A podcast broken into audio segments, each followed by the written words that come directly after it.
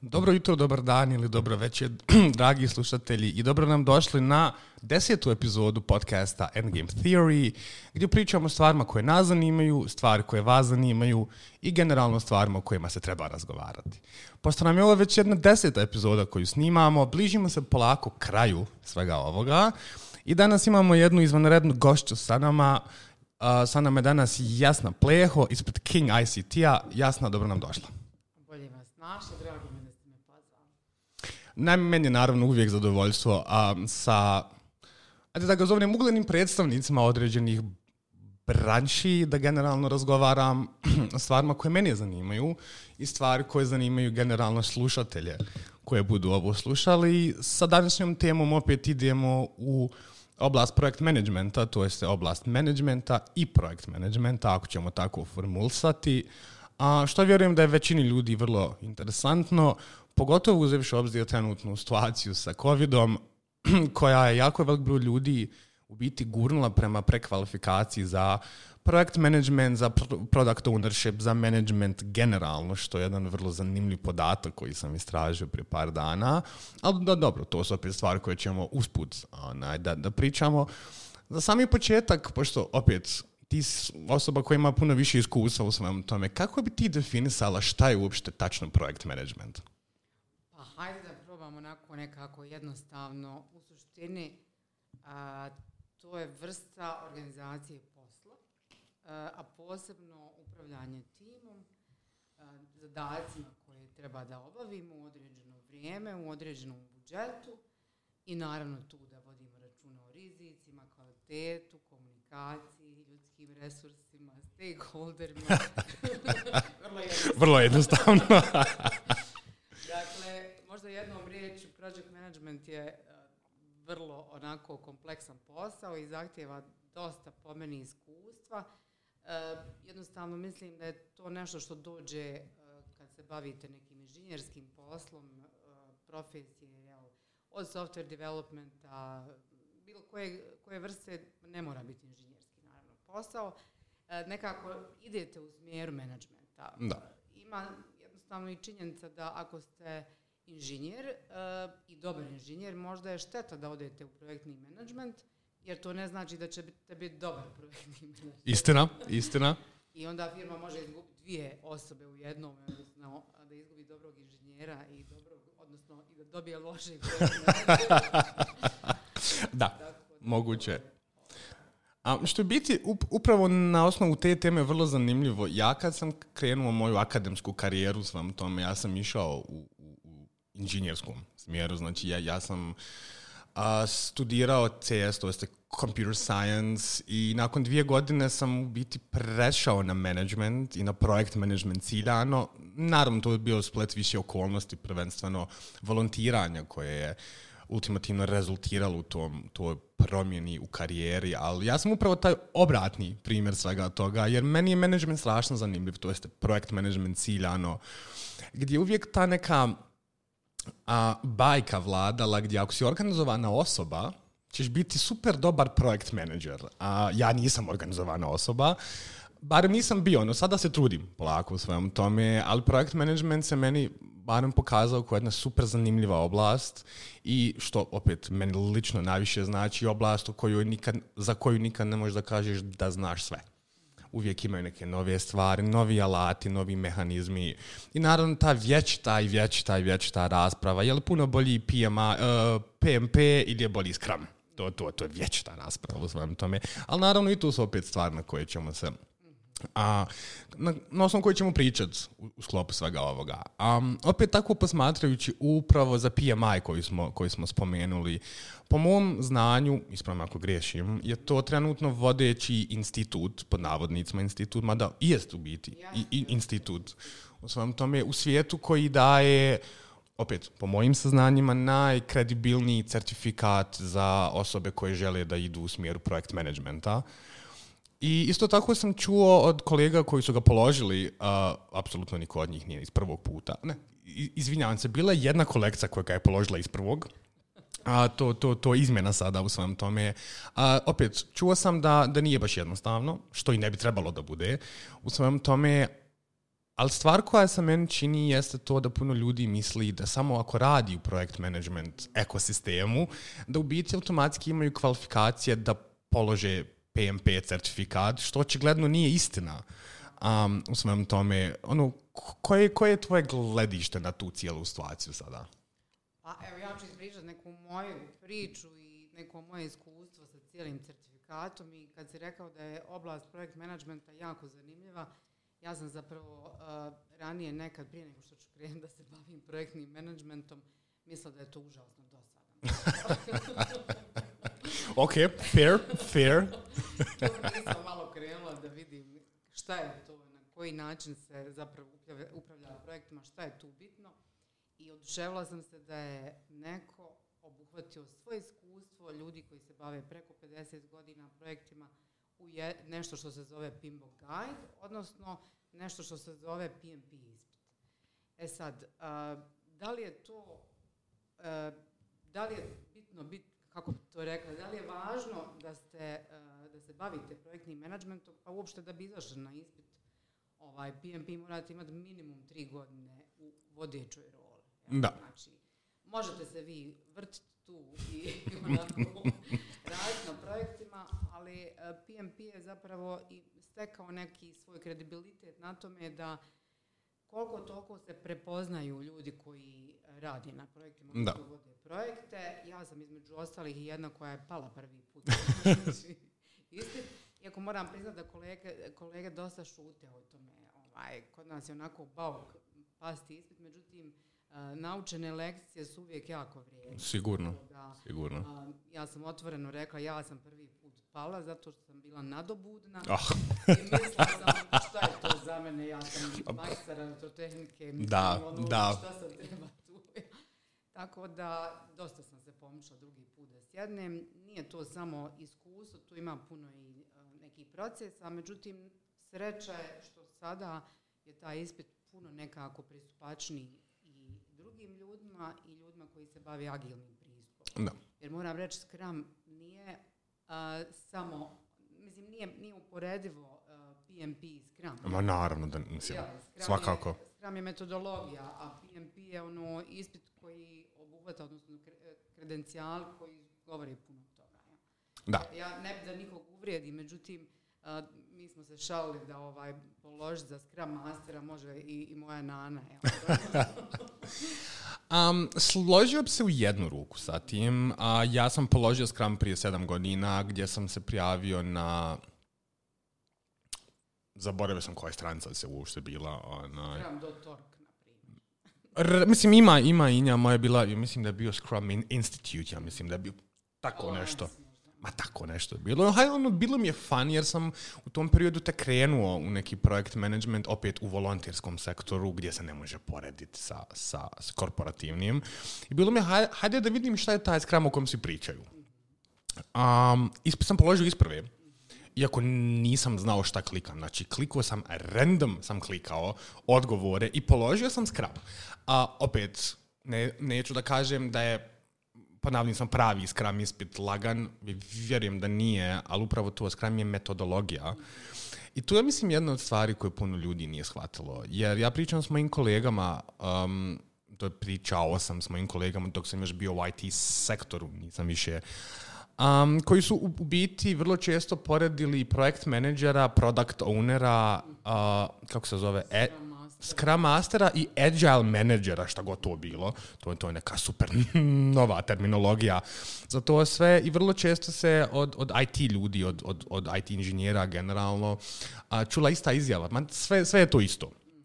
A, što je meni jako zanimljivo je upravo to što ljudi na, sa kojima se radi na, na managementu projekta ili na managementu proizvode, od čega god, znači oni su aktivan dio svega toga i oni, iako ne bi trebalo da, mislim, oni ne moraju razumjeti sve, bez daljnjeg, ali kako ne razumiješ, ne razumiješ uslovno rečeno, osnovne stvari i onda kažeš da je sve to isto. To mi je nekako uvijek bilo jedno zanimljivo zapažanje iz, iz IT svijeta.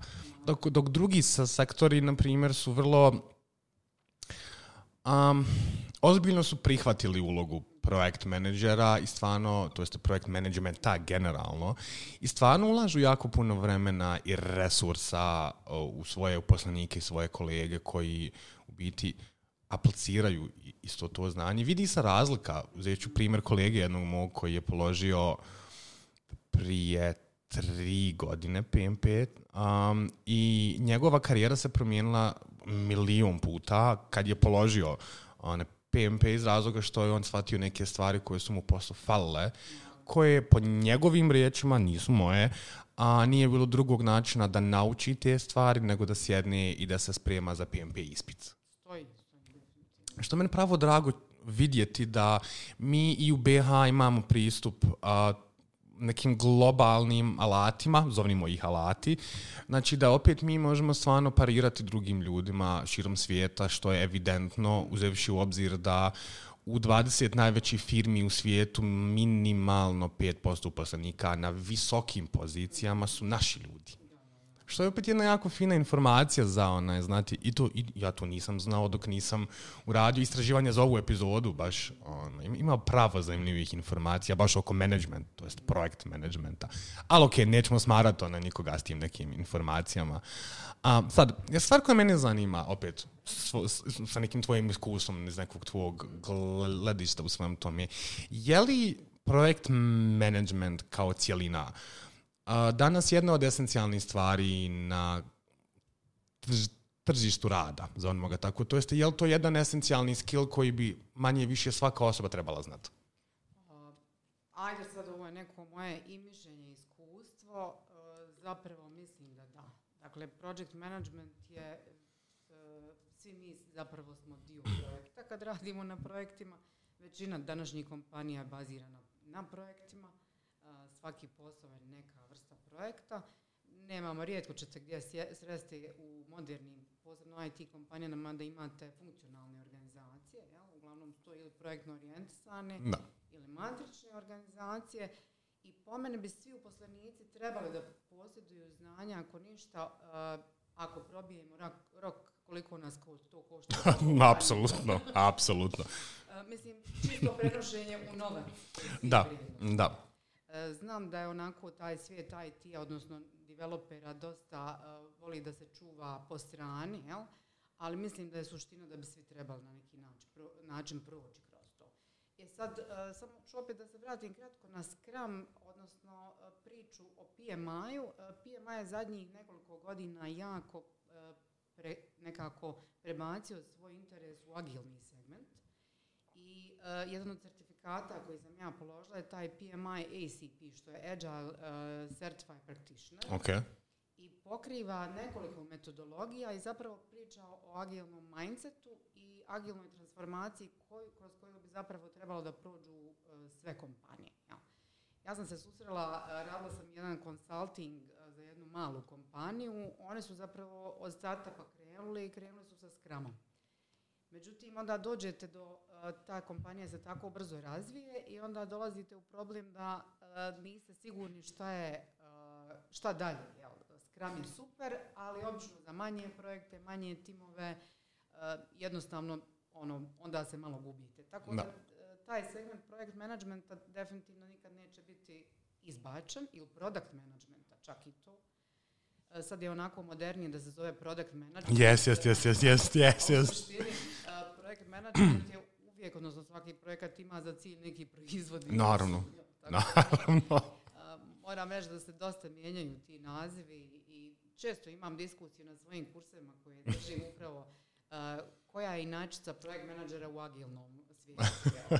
Ali to je, mislim, o tom bi se dalo posebno... Satima, satima. Um, ako se možemo samo sekundu vratiti na, na taj startup koji je krenuo, ako nije tajna naravno u svemu tome, na koji način su oni ili vi zajedno u biti ishandlali tu njihovu situaciju? Šta je bio taj ključni a, pristup koji je implementiran da se oni prilagode a, rastu? Da, da, da. Hajmo reći da su oni zapravo uh, nisu bili sigurni u svoju vlastitu organizaciju u kontekstu uh, počelo od toga da su htjeli zaposliti jednog projekt menadžera i ja sam tu nekako došla kao neki konsultant šta ta osoba treba da posjeduje, ajmo reći, pomogla sam ti prvi par mjeseci da ta mlada osoba krene da radi. I onda smo došli u neki organizacijski segment. E, tu je sad bio upitnik na koji način posložiti uloge. Da. Praksa pokazuje da je uloga projekt menadžera najbolje pozicionirana uvijek u segmentu a, uprave, na nivou uprave. Zašto? Zato što jedino na taj način projekti mogu uspjeti. Da. Ako nisu, onda je velika šansa da ne uspijeva. U startu to vam je ono, sve ovisi od sponzora. Ja, ja, ja, ja, ja. E sad, uloga Scrum Mastera je recimo kao nekog, ja kažem, propovjednik Scrum ovaj, e, koji nekako je tu zadužen za, to, e, za taj segment, je, ne mogu reći viška, ništa nije viška, ali se isprepliče sa ulogom projekt menadžera, Product ownera ne bi tu miješala, jer product owner je nekako više segment biznis analize. Da, da. To bi više mogao biti neki biznis analist u nekom, hajmo reći, klasičnom ovaj, Istina, nazivu. istina. Jer se bavi zapravo čistom biznis analizom. Eventualno nekim developmentom biznisa u jednu malu ruku. Tako, Da. tako. Ali ono, i to je sada postala jedna vrlo, vrlo, ha, vrlo frekventna, ali vrlo krivo shvaćena uloga. A product owner u određenim firmama, nije, nije u svim, se smatra kao a startup founder unutar zatvorenog ekosistema proizvoda koji nije njegov. To, to je nekako naj, najpribližnije objašnjeno. Um, product owner se sada tretiraju više, evo onaj, uzet ću jedan primjer. Um, ako sam ja IT firma koja radi outsourcing, znači ja dajem moje developere drugom, drugoj firmi na raspolaganje i meni dođe firma A koja ima ideju za recimo aplikaciju za rezervaciju termina, recimo. U određenim firmama a, u- Sarajevu i u BH generalno se product owner smatra osobom koja je ispred firme koja radi i development i UI, UX i sve drugo, kao glavna osoba koja treba da cijeli startup digne. Da. Znači, to je, to je u jednu ruku startup founder pod navodnicima unutar firme koja radi taj proizvod kao outsourcing i ta osoba je zadužena za sve. Za marketing, za market research, za sales, za upselling, za sve živo i ti u biti imaš svoj mali startup unutar firme za koju radiš. To je, na primjer, situacija koju sam ja primijetio da se smatra product ownerom. Nažalost, ne bih rekla da je to baš prava i dobra definicija. E, Po meni product owner je jasno definisan da on zapravo više radi za interese klijenta nego za svoje vlastite interese. jel? Tako je. To je ono što mi recimo imamo uh, u nekom našem klasičnom, ajmo reći, segmentu. Imamo biznis analistu, ili kako bi rekla, biznis analizaciju. Analiza- da. Jeste. Uh, ovaj, koji se zapravo bori da klijent dobije ono što je njemu najbolje rješenje. Da. Dakle, čak i ako on nije siguran šta je to, Da, da, da, da, da mu naš biznis analist ovaj, osmisli zapravo rješenje na koje će on, to ono u agilnom pristupu ima delight. Ono, Jest, jest, oduševljen, jest, jest, jest, ono, A ovo što si ti opisao, to više liči malo na key account manager, na ovaj odjel prodaje. Jest. Ovo bi bio ne, neki jack of all trades u biti, master of none. To, to je neki fin, fin, fin opisa ga toga. A, opet, ja koliko vidim, ja sam ima, i- imam i dalje u stvari, a, svoju firmu, ja sam to stvarno vidio zadnje četiri godine, a što mi je bilo strašno zanimljivo, koliko se u malim firmama, tipa do 10 uposlenika, um, termini radnika, to jeste pozicija radnika, govori se da je jedno, a radi skroz nešto 15. Um, što u biti nije toliko strašno ako ta osoba zna šta radi. A, primjer radi, ja sam radio s jednom firmom koja je imala dvojicu momaka koji su, um, ko- koji su generalno hendlali sve, ali su oni bili neki middle management. Znači oni su bili, ajde da izovnimo projekt menadžeri za 14 projekata koji su imali u toj firmi, što, je- što je absurdno, ima toliko projekata po osobi, ali fine, ali fine. Ali opet, ta dva momka su sa strašno jakom pozadinom ušli u sve to, jer su oni bili startup founderi sa jako uspješnim startupima i oni znaju šta rade. Oni su u biti radili sve što je trebalo da se uradi da, da klijent koji dođe u tu firmu uspije. Znači, savjetovanje, istraživanje, sve su oni radili, ali to je opet jedan od jako rijetkih primjera da to stvarno uspije da si jack of all trades. U većini slučajeva sa velikim firmama, pogotovo velikim IT firmama, što je meni jako drago usput, je to da ako radiš jednu stvar, radiš jednu stvar. Sure, ima malo overlapa tu i tamo, možda se dogodi, ali ono, švabo, švabo, radiš jednu stvar, radiš samo jednu stvar, što je jako dobro. Jer, mislim, ja tu mogu uzeti svoj primjer, primjer svoje firme, nas je bilo još uvijek 13 ljudi u firmi i ja sam sve radio.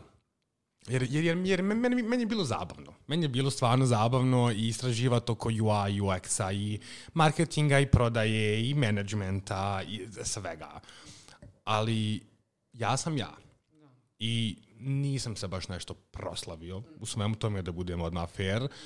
Um, ali ono, u većini slučajeva najbolji pristup svega toga je radi jednu stvar, radi najbolje što možeš i daj najveću vrijednost um, Tako drugoj strani. Naravno, mislim, ta priča o, um, ajmo reći, nije to ni multitasking, to je paralelni rad na nekoliko frontova i to bi otprilike značilo kao da pošaljete vojnika da se bori na tri fronta. Yes. Tako da imat ćete na kraju ovaj... Ništa. Ništa. Ništa.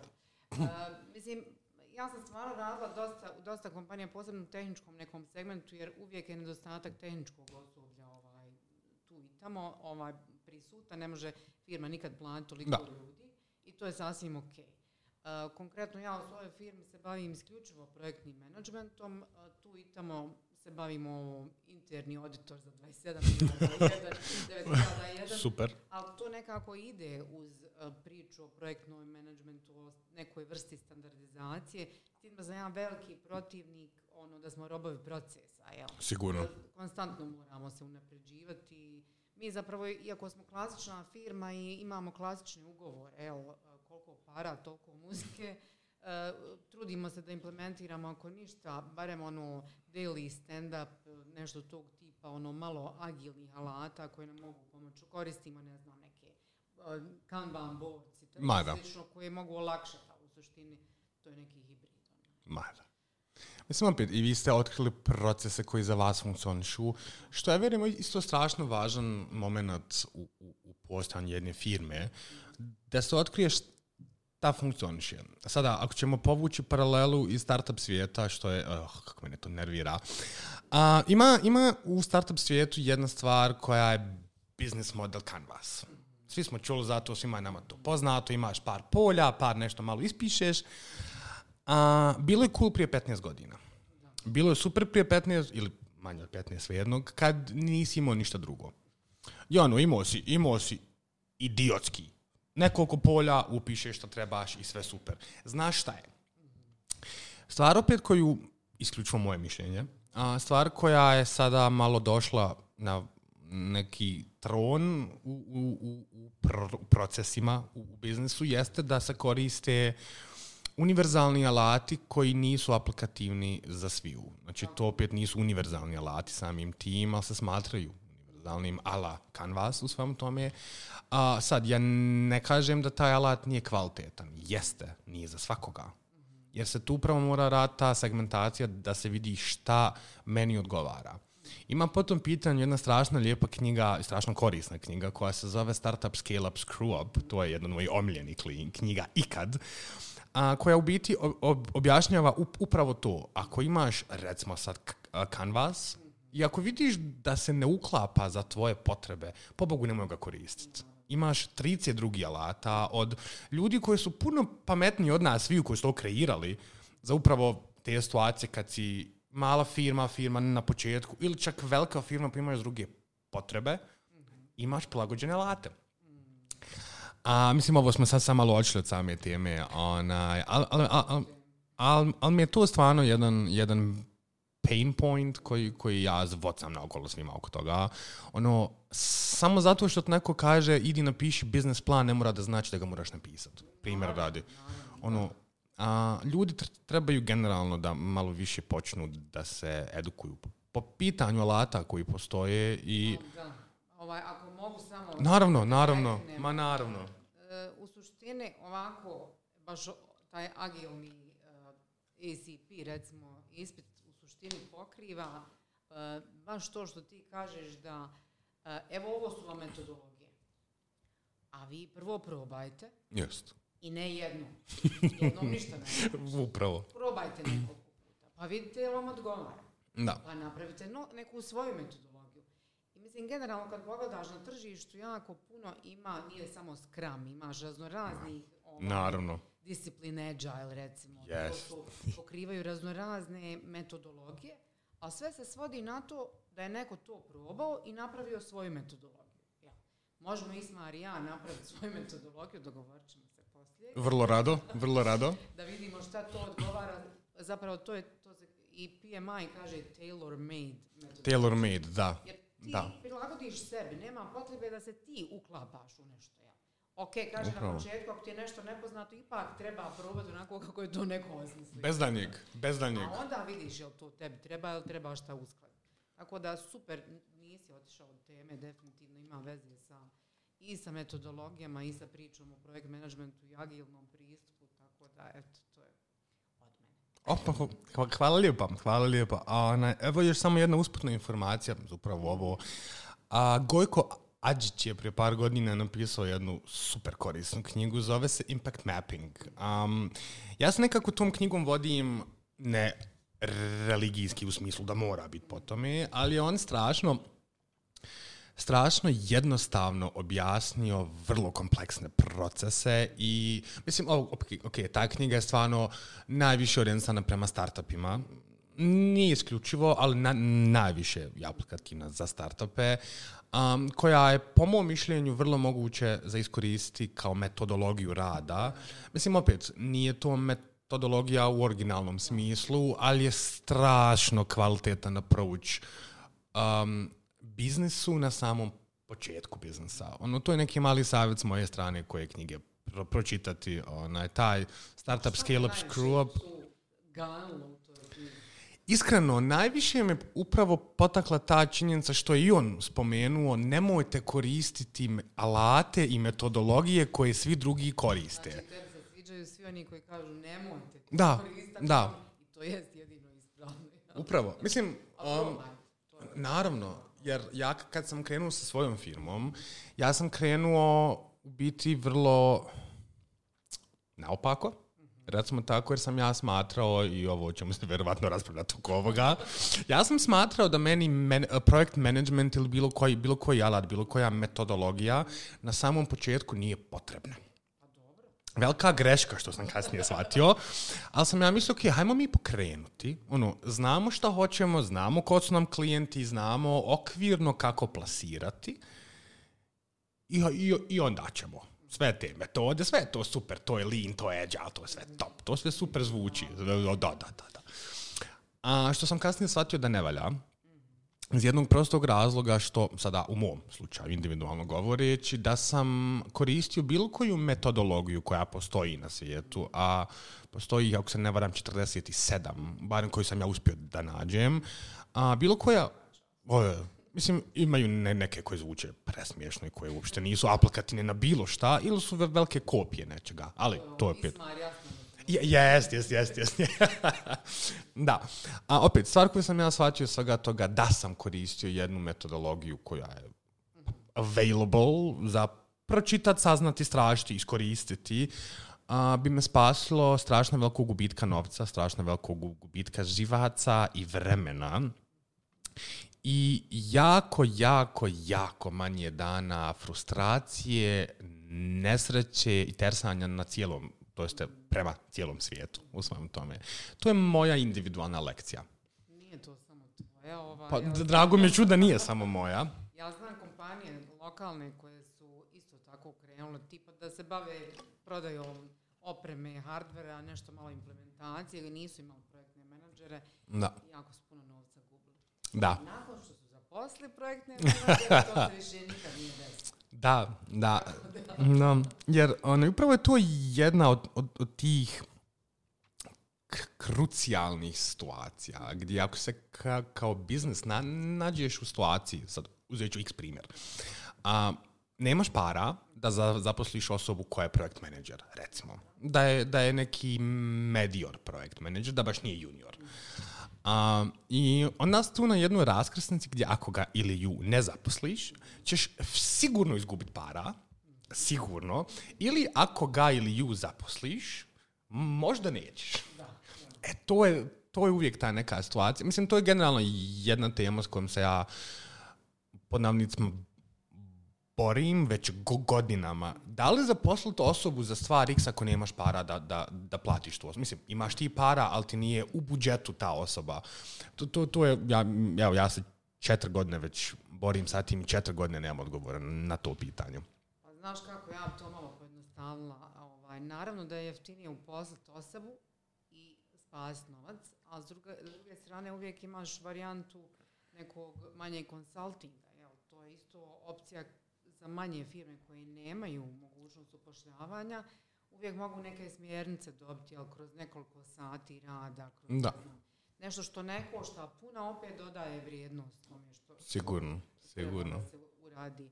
Mislim, uh, vidi, ja nemam nekih strašnih iskustava sa startupima. Uh, ja sam ono, uvijek radila u nekim firmama koje su, hajmo reći, već dosta ustaljene to je nešto što je jako lijepo, a s druge strane nekad postajete rob i nekim procesima Da. i mislim što uh, usporava samo neke stvari. Tako da po meni sredina je negdje najbolja varijanta.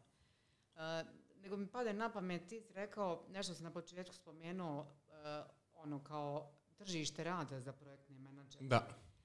Prije deset godina, znači prije nego što ćemo mi osnovati ovaj naš PMI chapter u Bosni i Hercegovini, e, nisi mogao naći ni jedan jedini e, oglas za posao da neko traži projektnog menadžera. Zanimljivo. niti, e, da ne govorimo o product ownerima, scrum masterima i tako dalje. Hajde, to je svakako novija priča. Da.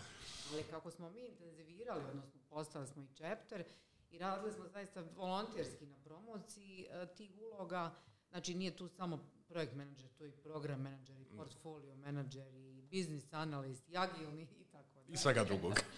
Uglavnom, sad pogledaj oglase, vidjet ćeš e, nevjerovatne ovaj, razlike. Znači, dnevno možeš vidjeti novih oglasa za e, projekt menadžere ili neku sličnu oblast. Da. I Da. moram naglasiti da smo još uvijek jako jeftini u toj oblasti kao Bosna i Hercegovina, odnosno I tekako. I tekako. menadžera, prosječna plata tipa u Austriji, ima čak i statistika, ima dobar PMI, ovaj, uh, built-in, hajmo ga nazvati, Da. o platama u cijelom svijetu projektnih menadžera.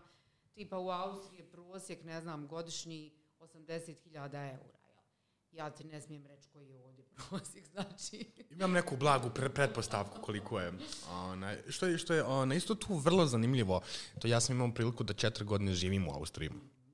A, svaka moguća firma, svaka firma s kojom sam komunicirao, a bilo ih je pofino, um, nije, nije imala manje od pet projekt menadžera.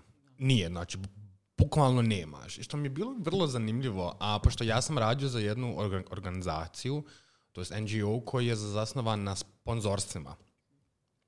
To je bila moja prva, prva konfrontacija sa situacijom da postoji projekt menadžer za investicije. To jest za investicije i za sponzorstva. To, to mi je bilo strašno zanimljivo kad sam, jer to kod nas, koliko ja barem znam, nema. Mi imamo a, ljude koji su zaduženi za investiranje, za sponzorstva, za taj neki a, vid aktivnosti, ali nemaš projektnog menadžera za to koji je, sad kad ovako radim s tim, tako logično.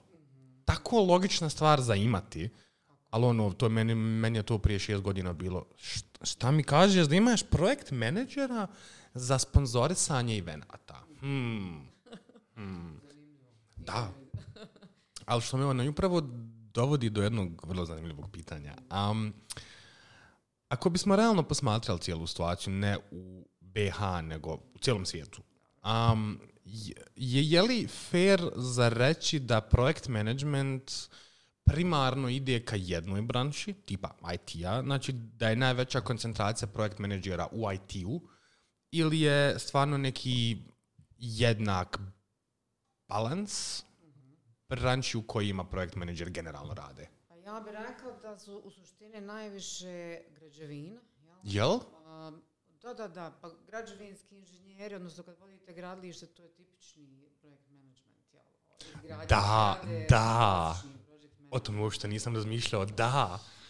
Zanimljivo je da u Hrvatskoj, recimo, Chapter su osnovali građevinski inženjeri. Ko bi rekao? Kod nas ovdje opet IT-evci, odnosno elektroinženjeri, tako da ne, gro je toga iz IT-a, ali ne, ne nužno nije vezano za branšu. Upoznala sam čovjeka iz Rusije koji je doktor medicine, on vodi projekte iz oblasti medicine. Ja, ja, ja, ja, ja, ja. S tim da moram naglasiti, recimo, još jedno pitanje koje se na to nadovezuje, ja sama se pitam. Slobodno, slobodno.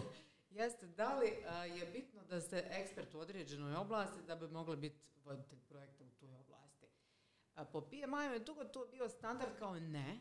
Dobro. Znaš, Dobro. jasno ti ako si PMP, ti sad možeš uzeti vod građevinski projekat. I ne bi meni mrsko, pa se naravno, naravno. a, stalno je to iskus, odnosno izazov, jel? Da. E, I tu je meni, to je jedan manji projektić bio, međutim, šta je meni tu hva- nedostajalo? To je taj segment upravo da meni dođe čovjek i kaže, e ovo ti je šljunak, a o meni može pijeti. Da, da, da, da, da, da, da, da. I onda, je, onda se ja puno bolje osjećam u IT projektima u kojima znam. U kojima Maja. Mislim, živim to već 25 godina, tako da Da. ono, razumijem. Odnosno, pričamo istim jezikom. To je Da. jako važno onaj, u svakoj struci. Ili se dogodi situacija koju smo na samom početku spomenuli, da pravo dobar inženjer pređe u projekt menadžera i onda nije ni jedno ni drugo. Um, ali da, mislim da, ja se apsolutno slažem. Ja sam imao priliku isto tako da razgovaram sa jednom firmom prije par godina koji su u A, uh, AEC biznesu, to jest on- oni, oni su trenutno jedna od rijetkih firmi u BH koje rade BIM, znači to je business, in- uh, Building Information Modeling, pardon, i oni su, ono, stvarno su jaki u svom poslu, stvarno su kvalitetni u svom poslu. I ja sam se nekako prvobitno upoznao s njihovim arhitektima i arhitekticama. Super cool, super veseli ljudi, sve super i onda sam imao priliku da pričam s njihovim projekt menadžerima. Nijedan projekt menadžer u toj firmi nije bio odmah projekt menadžer, nego je sve jedan bio arhitekta ili arhitektica ili bilo šta u tom segmentu, a što mi je isto tako zanimljivo, najveći broj njihovih projekt menadžera su bili QA-evi prije toga. Zanimljivo. Jako zanimljivo, da. Pa dobro, to ima smisla, jel, u suštini, jer quality, ono, o kval- kvalitetu sva- svakako, svaki projekt menadžer mora voditi računa, naravno i ljudi koji rade. A Naravno, naravno. Jeste, ali baš zanimljiva činjenica, moj, ajmo reći, kum, on radi u Americi, baš smo danas pričali o tome, a, vrhunski inženjer koji radi u avioindustriji, zapravo prave motore i, mislim, mašinski inženjer. Da. I bio je prije par godina na poziciji projektnog menadžera i kaže, ma vidi, nije to za mene, ovaj, ja, ja puno više volim da radim svoj posao. I to Skroz je ovo što ok. smo i pomenuli. Skroz ok. I mislim da je pošteno, jel, da ovaj, nekad jednostavno ostanete inženjer ili budete neki cijeli život inženjer. Što da ne? Što da ne? Ni- ne mislim da su svi uh, ni dobri za projekt menadžera, niti mislim da je to nešto što se ne može naučiti. Jel. Sigurno. Tako da, ovaj, jedno uvijek pitanje koje se meni nametne, odnosno pitaju me često na kursevima i studenti, da li nakon završenog fakulteta tipa ekonomije početi voditi ovaj projekte? Pa sve možete. Je samo uvijek pitanje kako i šta. Jel? Mislim da, svaka osoba ima tu mogućnost da ako je radila i pored fakulteta, a mislim, ha, ovo sad već ulazimo u, u jednu sferu koja je meni malo pain in the ass, ali. Um, iskreno frustrira me. Uh, fr- frustrira me činjenica da ljudi, ne svi, ne svi i ne sa svakog fakulteta, ali veliki broj absolvenata izađe bez osnovnog znanja koje je potrebno za radno tržište. Primjer radi, ja sam prije tri godine uposlio jednog momka koji je friško izašao sa fakulteta, nije bitno koji fakultet, Nećemo spominjati, nećemo, nemamo tu naviku da to radimo. Ona, I momak se pojavio prvi dan na posao, hajde, prvi dan, prva sedmica, prvi mjesec, ima šta neki grooven period. Um, meni je ap, apsurdno da nakon pet godina fakulteta sa 20 i nešto godina ne znaš koristiti Excel. Meni je to apsurdno. Da, da, da. Ali se oni znaju... Opa, ispade flaša. Ali se oni znaju svi razbacivati super fancy terminima. To, to su neke gluposti koje sam ne znam objasniti. Šta je, ali su oni čuli od nekog profesora to je ta neka super fancy terminologija, ne znaju ništa. Um, s te strane mene, na primjer, strašno žao što projekt management jeste obuhvaćen jednim dijelom na ekonomiji, recimo, super, ekstra. Š- Žao mi je što nije na drugim fakultetima, jer upravo vis-a-vis te priče da u svakoj industriji trebaju projekt menadžeri i trebaš znati šta radiš. Naravno. E, Ima pojedini tehnički fakulteta koji povremeno imaju ili imaju predmet projektnog menadžmenta, posebno neki privatni fakultet, e, taj segment su e, onako obuhvatili, ali definitivno treba na svakom fakultetu. Apsolutno, apsolutno. a, I arhitekturu, pa čak i filozofiju, jer na kraju krajeva ne postoji oblast djelovanja čovjeka da nije projekat. Istina, apsolutno. Ispričat ću ti zanimljivu stvar zapravo da a, kako ovo je iz PMI iz Amerike došlo, sve Amerikanci zapravo imaju programe edukacije za djecu u vrtićima, Zanimljivo. Zanimljivo. I mi smo bili pokrenuli, ono, kolegica iz PMI udruženja, uh, jednu edukaciju kao za osnov, ekipu iz osnovne škole, djecu, da radimo s njima. To je kratki kao više uh, ono workshop gdje mi kroz igru učimo dijelove projektnog Da. Što je super zanimljivo. Divno. Super zvuči. To je i za odrasle. Super ne zvuči. za djecu. Da. Nažalost, niko se nije prijavio jer roditelji nisu razumjeli šta je uopšte naravno, naravno. Svima je to zvučalo kao pa šta je to, jel? Tako da, e, Koja šteta? koja šteta, koja šteta? da, nažalost, nekako se više na tom polju nismo angažovali. Ja sam već, vješti entuzijasta, kao što znaš, imam dvoje djece koji su eto oboje sad već e, ovaj, malo veći, ali ono što mene muči jeste upravo, e, sad ja odoh totalno s teme, e, edukacija, obrazovanje u oblasti STEM-a, jel? Između ostalih poznavanja alata, na, Da. najjednostavniji koji se Excel, ču, najjednostavniji, Excel nimalo nije Pa jednostavno. nije, nije. Daleko od toga. Ali e, ta pristupačnost djeci od e, malih nogu zapravo ono, savršeno znaju koristiti tablete, igrati igrice, ali alate neke druge, ono, to je sve novo. Da, Tako da. složila bi se s tobom, ali to je teška tema o kojoj ja mogla... To je te... Slobodno, slobodno. To je ona tema u koju ja brujim zadnjih osam godina sigurno. A, ja sam opet tip osobe koji nije završio fa- fakultet. Ja sam dao dvije godine, rekao neću više. Ne treba mi, nije mi zanimljivo i a, smeta mi stigma ljudi koja nije samo u Bosni, da budemo fair, gdje te svi um, gledaju te manje vrijednog na osnovu toga jesi li završio fakultet ili nisi, dok s druge strane što opet um, nije da hvalim sebi, nije da omalovažavam druge ljude, daleko od toga, ali u svim situacijama, u, u skoro svim situacijama u kojima sam radio, prije nego što sam svoju firmu otvorio, sam bio na pun, puno većoj poziciji nego ljudi koji imaju fakultet i ono, what's the difference? Da. Pa u suštini u privatnim firmama to je najmanji problem. Jel? Dakle, imaš li fakultet... Kako u nemaš- kojoj? Pa dobro, ajde da se samo preskočim to. E, važno je zbog, recimo, hajmo reći, tendera na koje se prijavljuješ u tom kontekstu. Da, da, da, da. Neke, je li to forma, nije to forma, ne znam. Ali e, iskustvo je definitivno nešto što ti niko ne može Apsolutno, apsolutno. Nažalost, kod nas bi trebalo da se počne raditi već od... e, Zapravo, znaš što je kod nas najveći problem? Što vrijednost novca nigdje ne postoji. Da. Da. Da, da, da, da. Roditelji koji mogu priuštiti svojoj djeci, priušte nešto. Roditelji, odnosno djeca koja nemaju roditelja, oni nažalost ništa nemaju. Da. Ne, nemaju kontekstu znanja. E, Baš šta je meni bolna tema bila. Djeca u osnovnoj školi, ja sam svojoj djeci matematiku predstavila kao najljepši predmet na svijetu jer se uči kroz igru, jer je Da, onaj osjećaj kad riješi. yes. ja. da.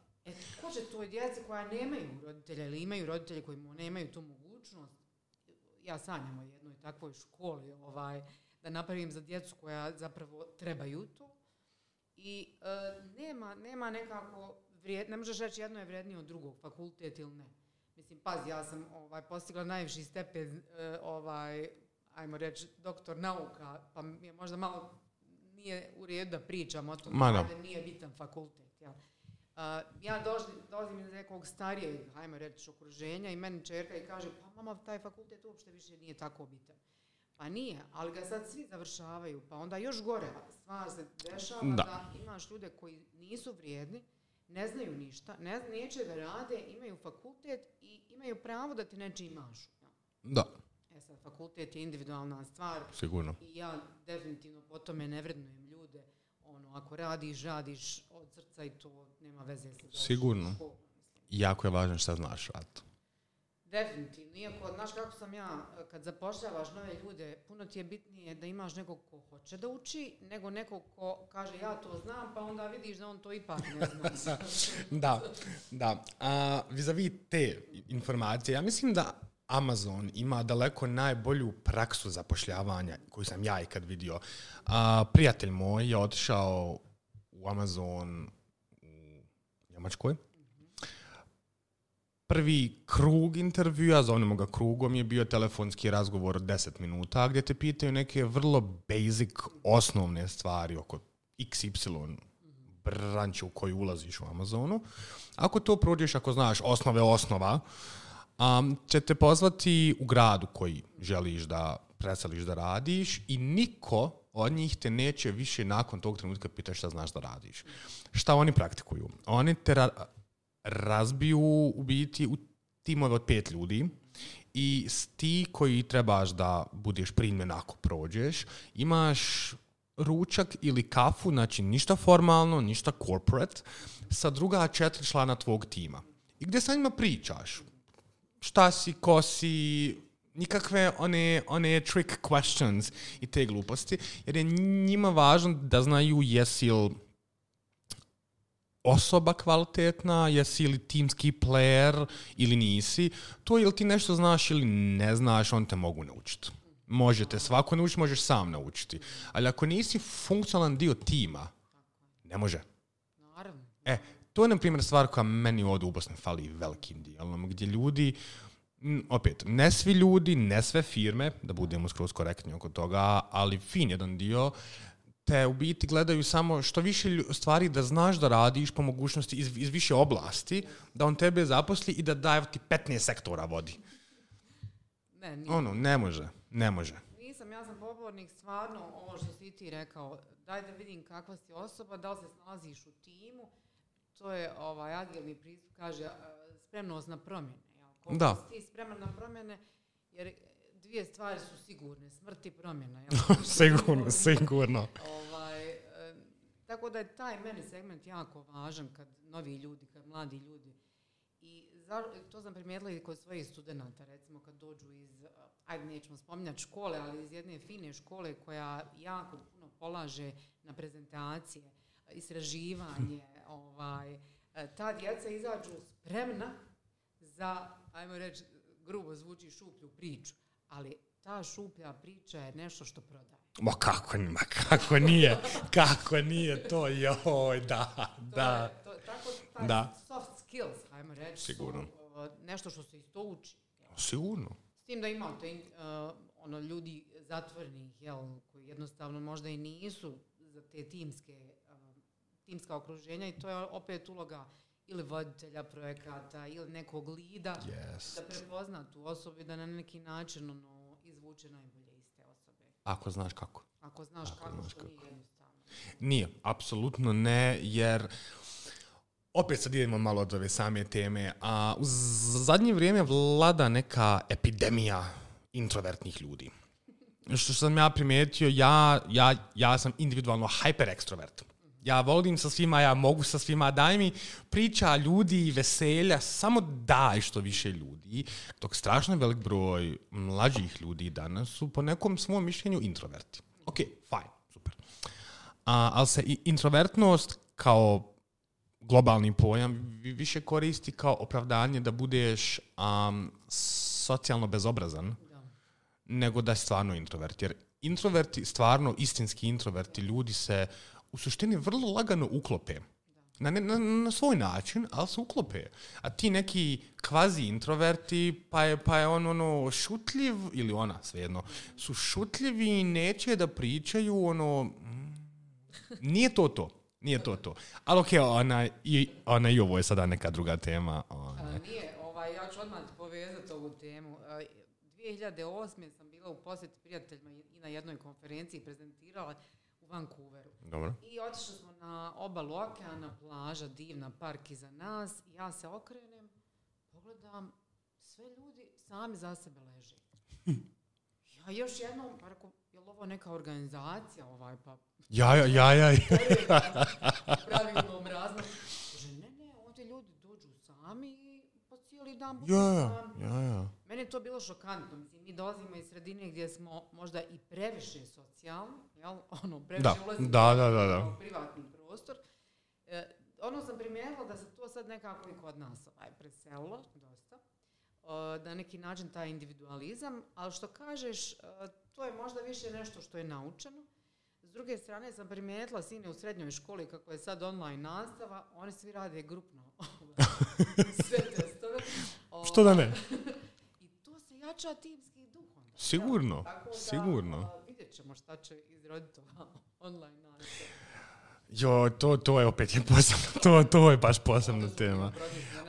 Maju. Ali samo da se vratim opet na taj individualizam. E, mi kao projekt menadžer moraš poštivati svaki individualni karakter. To, to je nešto što... I posvet se svakome. Tako je, jer ne zadovolja, odnosno ne motiviše svakog ista stvar. Često kad pričam recimo na radionicama svojim, št- evo što tebi recimo motiviše da budeš bolji? Meni je lično problemi. Ja strašno volim rješavati probleme uz...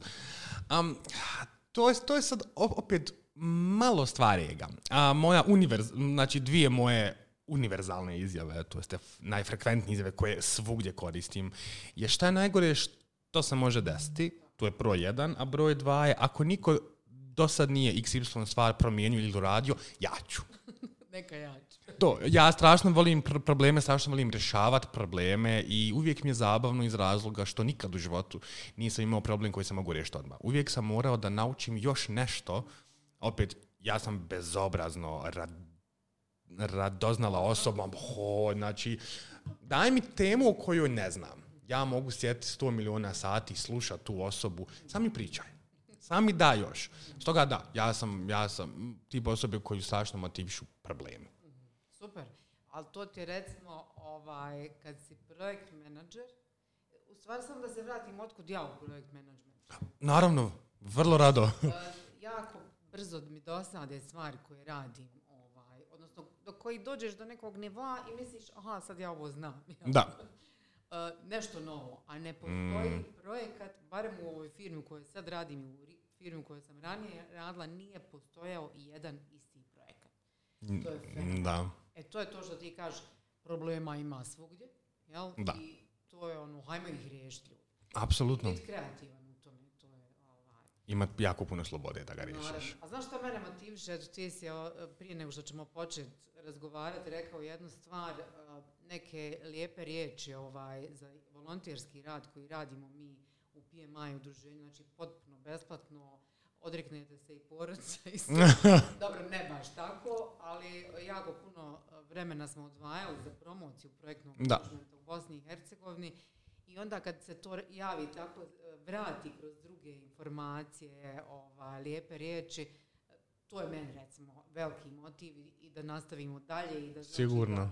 Sve što smo radili ipak je, ima odjeka. To je, to je velika stvar. I jako velika rijetkost, iskreno. Jer, mislim, eto, da, da, da ne ispadne tajna šta smo mi pričali. Uglavnom, mi smo pričali oko toga koliko ljudi koje ja znam, a, s kojima sam razgovarao prije snimanja ove epizode, tipa par godina unazad, kada smo spomenuli PMI, kad smo spomenuli PMP, kad smo spomenuli tebe individualno, ja nisam čuo ni jednu negativnu riječ, ni jednu krivu riječ, ja sam čuo samo riječi pohvale.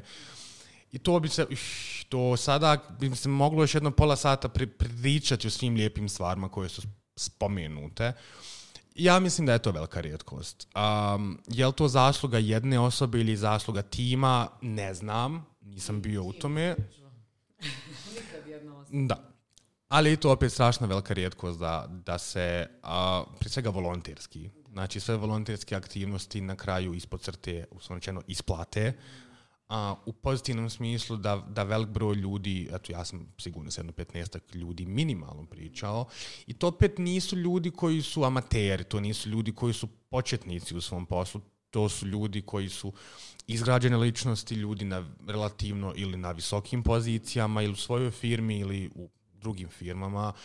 I pohvaliti u toj situaciji bez ikakvog ustručavanja projekat i ili osobu je ja barem mislim velika, velika rijetkost. Toga, well done. Hvala svima koji su te lijepe riječi izgovorili. Ja moram reći samo za PMI chapter u Bosni i Hercegovini, to je ekipa cijela. Jel? Ja sam tu samo dio tima, dakle nisam ništa više i ništa bolja od drugih. Definitivno je to nekako ono zajednički rad. Ja, to vam je kao, šta je projekt manager bez tima? Da, da. Isto što je profesor bez studenta. Apsolutno. Tako da tu treba biti ono skroman u tom segmentu. Sigurno. I jednostavno, vi ste dio tima nikad. Ma naravno, naravno. Eto, mi, mi smo zadnji pola sata realno spomenuli jako puno osobina koje su re- relevantne za današnje doba u kojem mi živimo. A, po nekom tvom mišljenju, šta su najbitnije osobine koje projekt manager mora imati? Ili bi trebao barem da ima? Da, a ti opet spomenuo bio organizovanost. Jel? A, a pazite, neko se rodi organizovan, neko a, organizator, jel, prirodno jeste, a neko to može da nauči. Da. Međutim, mislim, taj socijalni aspekt, a, ako ste se puno družili kao dijete i u srednjoj školi okupljali ekipu, velika je šansa da budete dobri u tom poslu. jel? Da.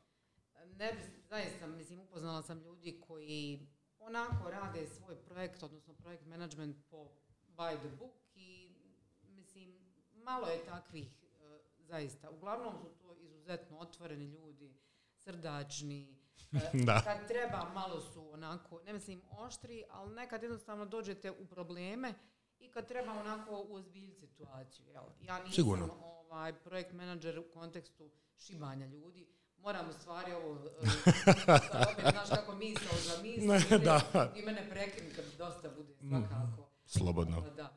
A, kad sam a, počela da radim u firmi, kolega je, odnosno par godina poslije, rekao je, kaže, ja sam mislio da ćeš ti sad da šibaš ove naše zaposlene. Pa rekao, ja ti nisam, imate pogrešno shvatanje šta je projekt menadžer. Da. Projekt menadžer apsolutno nije to. I e, pošto kao žensko posebno imam razvijenu, i, mislim ne kažem da muškarci nemaju, ali taj i majčinski neki odnos i empatiju i prvo mi je to, prvo je ljudskost pa sve ostalo. E, mislim da to nije uopšte mana, a Da. negdje ćete naći i u literaturi i u praksi da se pominje da projekt menadžer moraju da budu tough, jel, kao neko sa kanđijom, e, daleko. Mm, ne bi se složio, da. to je, to je zastarjeli način razmišljanja. Jedno udarte kanđijom, odoživam svi. Sto posto. Sto posto. Danas pogotovo, da. Da. Mislim, u svemu ovome bi se projekt menadžer u jednu ruku mogao okarakterisati kao roditelj. U jednu, jednu ruku. Gdje, um, opet, moje iskustvo, moje mišljenje. A svaki projekt menadžer mora da, pored svih poslovnih stvari, procesa, aspekta, informacija, vodi brigu i o emotivnom i mentalnom stanju svih svojih kolega. Što je meni drago, što sam vidio zadnje dvije godine, možda malo jači unazad, da velik broj pretežno IT firmi, ali drugi firmi uvodi veliku dozu brige o mentalnom zdravlju svojih uposlenika i većinski nosioci te odgovornosti i brige su projekt menadžeri. Tako je. A, super si i tu temu pokrenuo. Dakle, a, da bi bil dobar projekt menadžer, definitivno morate prvo da imate tu svoju emocionalnu stabilnost, a to znači da stalno radite na sebi, to je dug put. I imam ja kolege koji me onako zezaju što sam kao stabilna stalno, ali ja u stvari se jako dugo bavim jogom, jel, i Super stvar, i to je nešto stvar. što ja praktikujem da bi ja bila dobra, da bi onda je na poslu bila dobra i drugima. Naravno. I naravno. privatno, naravno, govorim, to je segment na koji uh, projekt management je jako odgovorna uloga, jel? Biti projekt manager i naravno da moramo imati, uh, nisu to čak ni soft skills, to je ono vlastiti način uh, upravljanja svojim emocijama, pa tek onda drugim. I nije samo to biti roditelj, to je zapravo puno više od toga, jel? I Sigurno. rame za, za utjehu i prijatelj i sve, sve što Sve, sve u jednom. A, upravo me to sada zanima što ste spomenula. Um, taj neki um, intellectual stability, to jeste mentalna sta- stabilnost.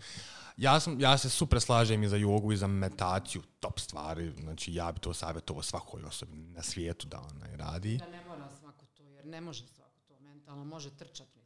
Ma, naravno, naravno, ono, ja sam fan meditacije po najviše, svaki ima svoj vid meditacije, ne kažem ništa protiv, a meni individualno pomaže, meni individualno funkcioniše super, ja sam tip osobe kojeg, opet, ja sam individualno tip osobe kojeg je strašno, strašno, strašno teško iznervirat, ali strašno me teško iznervirat, ali sam opet primijetio da se um, emotivno vežem za svaki projekat, iako ne bi trebao. A što bi, opet, jedni bi rekli da je to super jer si više komentan, jer si više zagrijan, jer si više požrtvovan, dok drugi kažu nemoj to da radiš jer ti je to isto kao auto. Znači, ako se zaljubiš u auto i onda ga izgubiš, uslovno rečeno, smak svijeta. Ja bi se s tobom 100% slažila. Zato što meni je uvijek bilo suludo kad mi ljudi kažu nemoj to uzimati srcu, to je samo posao. Nije. Ali nije samo. Znači, to je cijeli tvoj život je posao. Da. Onda je nemoguće ne uzimati emotivno to. Ja isto, ja doživljavam svaki projekat kao svoje dijete uopšte. Potpuno se slažem. Da, da, da, da. Tako da ovaj, taj emotivni segment ne vidim da može otežati projekat. Naravno, kad krene po zlu da ti je teško, a s druge strane shvataš da ili ćeš izaći iz toga ili ćeš Naravno. ići negdje dalje. Nema tu puno. Tu tek nema emocija. Tu tek nema emocija, Ali da. dok radiš projekat, po meni emocija je jako dobar voditelj. Kako u kontekstu, ono, stalo mi je do Apsolutno. Apsolutno. Da budemo najbolji u tome. I tu onda energiju dijeliš sa tim. Ako ti ne vjeruješ u tome, kako će onda u to, onda kako će tim vjerovati? Jel? To je Naravno, naravno. Što onda cijeli projekt management u biti stavlja u jednu, jedno jako zanimljivo svjetlo u svemu tome, jer jako puno stvari u kojima smo mi sad pričali, a zadnjih eto, sat vremena, ja vidim da su to sve uloge upper managementa. Opet, ja sad pričam i sa strane startup foundera u svemu tome, apsolutno sve stvari koje smo mi spomenuli zadnji sat vremena, su isto tako i uloge foundera, uloge C-level managementa u svemu tome. Je li onda fair smatrati, to jeste fair reći u jednu ruku da je projekt manager ili projekt menadžeri generalno su jedan pravo fin sweet spot između tima i između managementa. Pa naravno, mislim, na, e, znaš kako ja to još gledam, e, ti čak i ne bi trebalo da bude nikakav neki nivo, ja bi to rekla, svi smo mi, i taj top management bi trebao da bude uvijek na nivou istom Da. svi uposlenici, koliko god da to utopistički zvuči, jel kao mi sad imamo socijalističko društvo, svi smo nije to baš tako, jel? A nije. Jasno je ko tu zarađuje više, čija je firma i sve je tu jasno. Ali znaš kako sva priča e, zadnjih godina je usmjerena i u tom top managementu liderstvo. Ono, kao, ima dobra pričica e, za, to pričam na kursevima svojim, spivala sam dosadila, za vrijeme hladnog rata, jel? Dobro.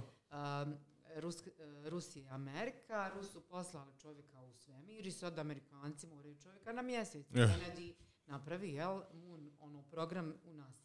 I nakon par godina dolazi televizija da in- radi intervju u NASA i gospođa koja čisti, ono, lijepo rečeno, cleaning lady, najljepši izraz, kaže, gospođo, šta vi radite ovdje? Kaže ona, "A, ja radim, odnosno pomažem da odvedemo čovjeka na mjesec. E, to je to. To je Mislim, lider. Nije u krivu. Nimalo. Nije u krivu. Nimalo. Ne. Ali znaš šta je lider? Čovjek koji je uspio od svakog uposlenika dobiti taj osjećaj. Da. Znači, ja ne pravim nečistim podove. Ne, ne. Ja sam ovdje da bi svima omogućila da budu čiste prostorije, da bi inženjeri radili svoj posao, da bi čovjek na kraju krajeva otišao. mjesec. Tako da, e, to je razlika između lidera i menadžera. Da. Da. Menadžer će ono morate, a ne, a ja sam dio toga. Je, ba, naravno. Opet, i to je jedan dio inkluzije o kojoj se jako malo priča. A bio je jedan jako zanimljiv TED Talk prije dvije godine koja je pričala jedna djevojka iz Makedonije, to je žena iz Makedonije. Ona, mislim, ok, ona je sad opet išla sa sfere plesa. Ona je uradila, ona je kreirala svoj plesni tim, gdje su svi članovi tog tima bili ljudi sa posebnim potrebama koji su bili svjetski prvaci. I sada, između ostalog, cijela pojenta njenog toka je bila ta da we don't have to special need people, samo im pristupi normalno i jednako. To, to je bila cijela pojenta. Sad opet, sama tema lider, to jeste riječ lider, ja se ježim na tu riječ. Znači, ja se zgrožavam jer je danas svaki kreten je samo prozvani lider.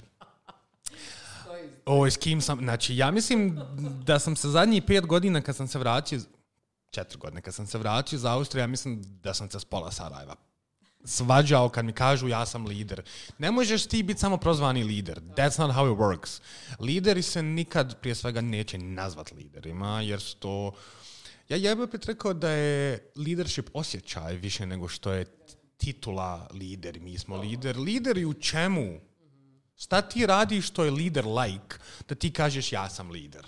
Nonsense. Ali eto, to je, to je opet. Super, hvala. Nešto sam mi naučila definitivno. Ovaj, si pa ne, pa, znači, otvorimo sada LinkedIn.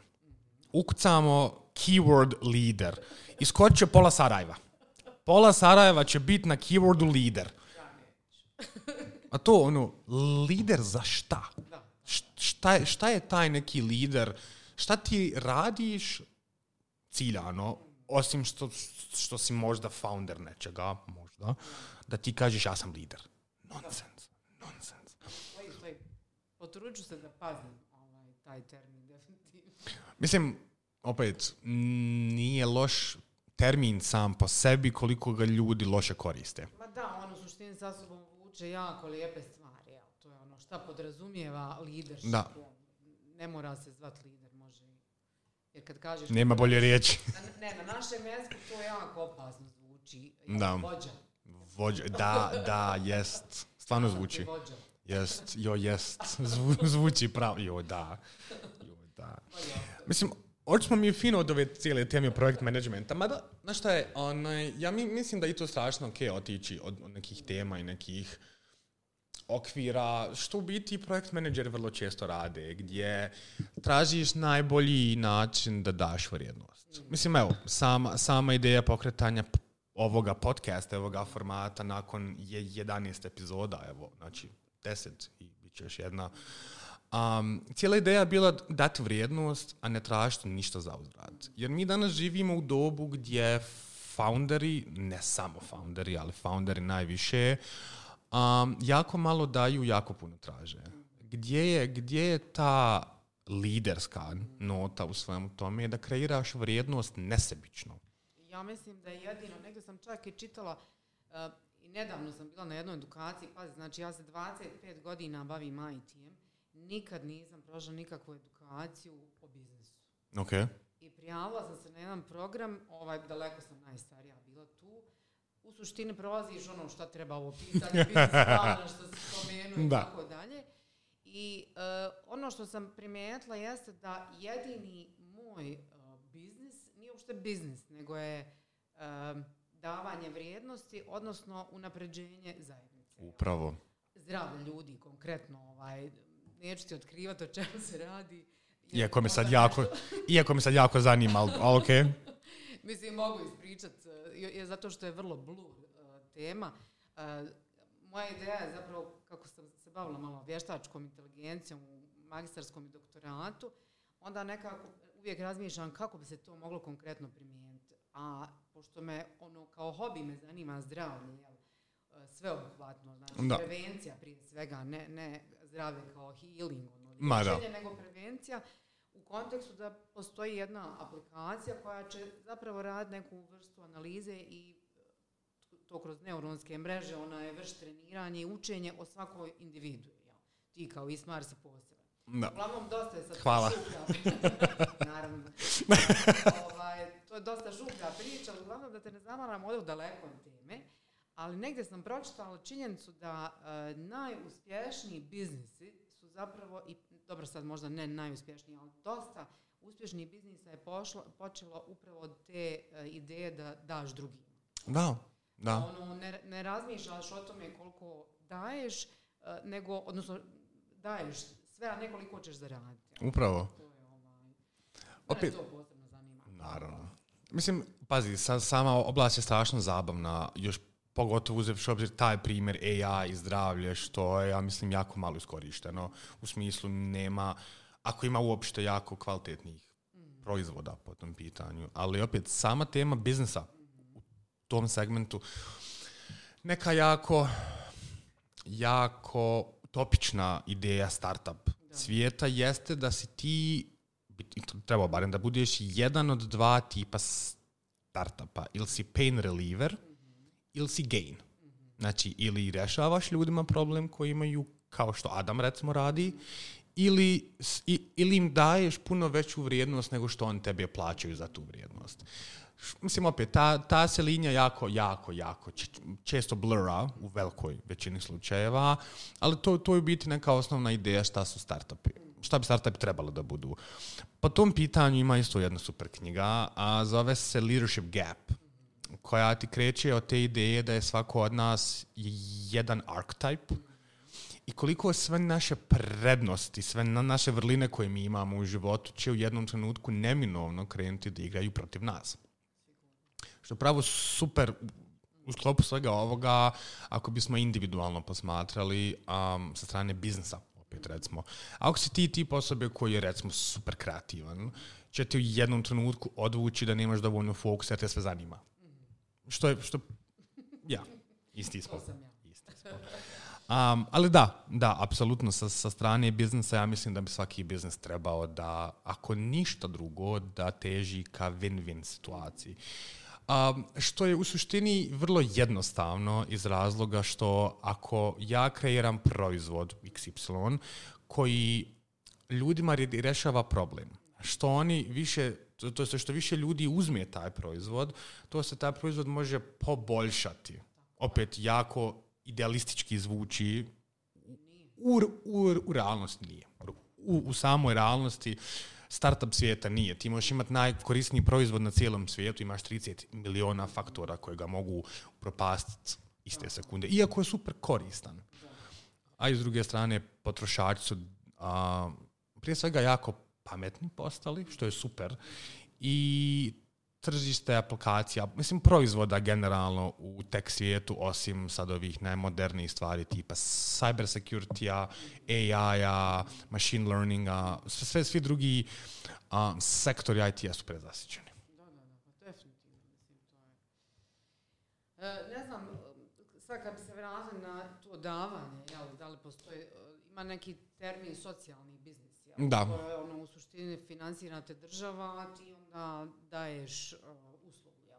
Jer država ne može da pokrije sve Da, e, faze, što, poka- što se i ovdje pokazuje kao istinitim, a jedan od tih je i ova škola, što ja zamišljam pomoći djeci, odnosno učenje matematike ili informatike kroz igru, što sad ima, a što jako skupe te škole. To su Da, škole koje da. se upisuju djeca roditelja koji imaju novac. kapitalizam, jel? E, To ja neću. Da, slažem se. Mislim, ona, i tu je jedan primjer, jedna jako lijepa, jedan jako lijep pokazatelj IT svijeta. A, Google je, na primjer, upravo to uradio. Na jedan malo drugačiji način. Oni su kreirali, zaboravio sam pričat, kreirali robote koji djecu uzrasta, nemoj me uzeti za riječ, 2 do 10 uče programiranju, uče mašinstvu, uče robotici i uče STEM-u generalno i ti su roboti nešto super affordable, ovako 50 dolara jedan. Mislim, imaš njih više sada, to je pravo cool. Isto MIT je uradio svoj, zovnimo ga coding language, ma, mada nije, koji se zove Sketch. A poenta svega toga jeste da imaš, e, super, ono, i to ide u tom pravcu frije i stvarno kod mladi ljudi, kod djece prvenstveno, stvarno vježba tu logiku. Jer opet, samo programiranje u suštini, ako razumiješ logiku iza svega toga, ako, ako razumiješ fundamentalne stvari, je samo pi- pisanje riječi. Da. E, ali susrela sam se e, na jednoj konferenciji kao informacijsko društvo u Bosni i Hercegovini. Jedna žena je, ona, ja mislim da je nastavnica u jednoj od gimnazija, i ona kaže, lijepo je to što vi gurate ono, STEM i, i, generalno taj, taj segment, ali kao uh, šta je sa ostalim branšama? Ko će vas liječiti? Jel? Da, istina. Ko će vam istina. I e, zanimljiva mi je još jedna priča, opet ja skačem s teme na temu, ali e, kombinacija znači STEM-a, odnosno art, ne samo inženjering, nego i art. Jel? Tako da učimo jedni od drugih. Jel? To je ono, nama možda inženjerima fali malo umjetnosti ili mekoće, a umjetnicima možda malo reda i posloženosti, tako da je to razmjena iskustva. i. Apsolutno. Apsolutno. Zv- mislim, to, to mi opet zvuči kao jedan jako fin mix, ako bi se to spojilo. Da, da, da. Pa dobro, ljudi eksperimentišu s tim. Nije Sigurno. Mi smo još daleko od toga, ali e, mislim, nekako i kroz razno razne male projekte, opet se vratimo na projekat, može se pokazati djelotvornost Sigurno, sigurno. da bude mjerljiv, to je ono, šta ćeš ti s ovim postići? Jest, jest. šta će Šta je outcome svega Tako. toga? Da. Će ti to, šta će ti Just. Šta si ti? Ništa, jasno. Mi smo došli na sami kraj ove epizode. A, pri- pričali smo i o, što je meni jako drago, i o stvarima koje nisu samo vezane za projekt management. Jer opet, a, ti si jedan jako uspješan, ja, uspješna, izvinjavam se, predstavnica projekt management svijeta. I nekako je uvijek zanimljivo meni barem, a vje- vjerujem i slušateljima i slušateljicama, a, da, da čuju sada uslovno rečeno, kako jedan projekt menadžer gleda druge stvari u životu. Iako to nije mjerlo bilo čega, šta radiš, na koji način razmišljaš. Ja vjerujem da je, da je i, drugim ljudima, kao što je i meni bilo vrlo zanimljivo. A s moje strane hvala prvenstveno na vrijeme, na podijeljene informacije, na podijeljena iskustva, na u jednom dijelu malo personalne um, priče i situacije. Meni je to uvijek jako lijepo. I čuti od drugih ljudi i imati situaciju da razgovaram ne, sa upravo takvim ljudima. Za sami kraj, da li bi imala neki ili više njih a, savjet za sve ljude koji žele da, da uđu u projekt management ili za ljude koji su u projekt managementu ili, e, pardon, koji su u projekt managementu žele da se um, unaprijede? A, Prvo, sam, ako ste već projekt menadžeri, morate da se edukujete stalno. Dakle, to je kao i svaka oblast, tu nema kraja. Sama ja sam bila prije deseta godina, ono, ja agilni pristup, nemoj, molim te sad naravno da idem u tom segmentu e, širi, pa i u biznis analizi. Dakle, non stop edukacija, to, to pod broj jedan. A za ljude koji žele i razmišljaju o projekt managementu, prvo nek vide šta je to, nek prođu neki mali kursić, nek odu, nek kupe online neku... Uzmite skram neki. Može i skram, bilo šta. zvučimo, zvuč, zvučimo grozno. Može bilo šta, samo da, ovaj, jer ja kažem, ja sam imala zabludu o tome šta je projektni menadžment. Dakle, moja ideja o tome je bila, jao, Bože dragi, to je samo neka dokumentacija, pisanje, pisanje, a to nema veze. Dokumentacija uvijek ima koliko mora biti, Naravno. ali ako ste onako aktivan tip, ako volite raditi s ljudima, ako imate isto što Ismar strpljenja do iznemoglosti, Diskutabilno. a rekao Str- da te strpljenje diskutabilno. Dobro. Strpljenje diskutabilno. Ja sam onako sabor čovjek, ali E, onda je to prava profesija za vas. Mm, da, da. Jer ja, e, jednom me neko pitao na kursu mom kao da li projekt menadžer može sebi dopustiti da ima loš dan? Pa ljudi smo, nismo mašine, jel? Ali da li to trebaju drugi osjetiti na svojoj koži? Ne. Dakle, ni pošto. To je, Naravno. možete podijeliti s ljudima i reći, vidite, ja stvarno nisam dobro danas, ono ljudski je. Kao što Mm, svi će to uraditi. Naravno. Ali da sad neko trpi zbog toga, to ni pošto. To ni Svakako. Eto, ne znam, nadam se da ako neko nije, ako niste zaspali do sad, Pa ne bi trebali da jesu. Ne bi trebali. dobro. Ovaj, meni je bilo zadovoljstvo, Ismare, što si me zovnuo. O ovoj temi mogu do, do beskonačnosti pričati. Vjerovatno. Ako ovaj, bude želio još malo da pričamo i na bilo koju drugu temu, zove. Uvijek rado opet. Još jednom hvala ti puno, meni je stvarno bilo drago. Hvala svim slušateljima i slušateljicama a, koji ste ostali svih sati 20 minuta sa nama. Imamo sati 20, ja, ja. Ja se nadam da je vama svima bilo zanimljivo i informativno kao što je bilo i meni, da će vam informacije koje ste čuli na ovoj epizodi biti od koristi neke za sve buduće aktivnosti, ako ih budete imali. Ako ne, hvala što ste ostali sa nama sati 20 i Čujemo se u narednoj epizodi.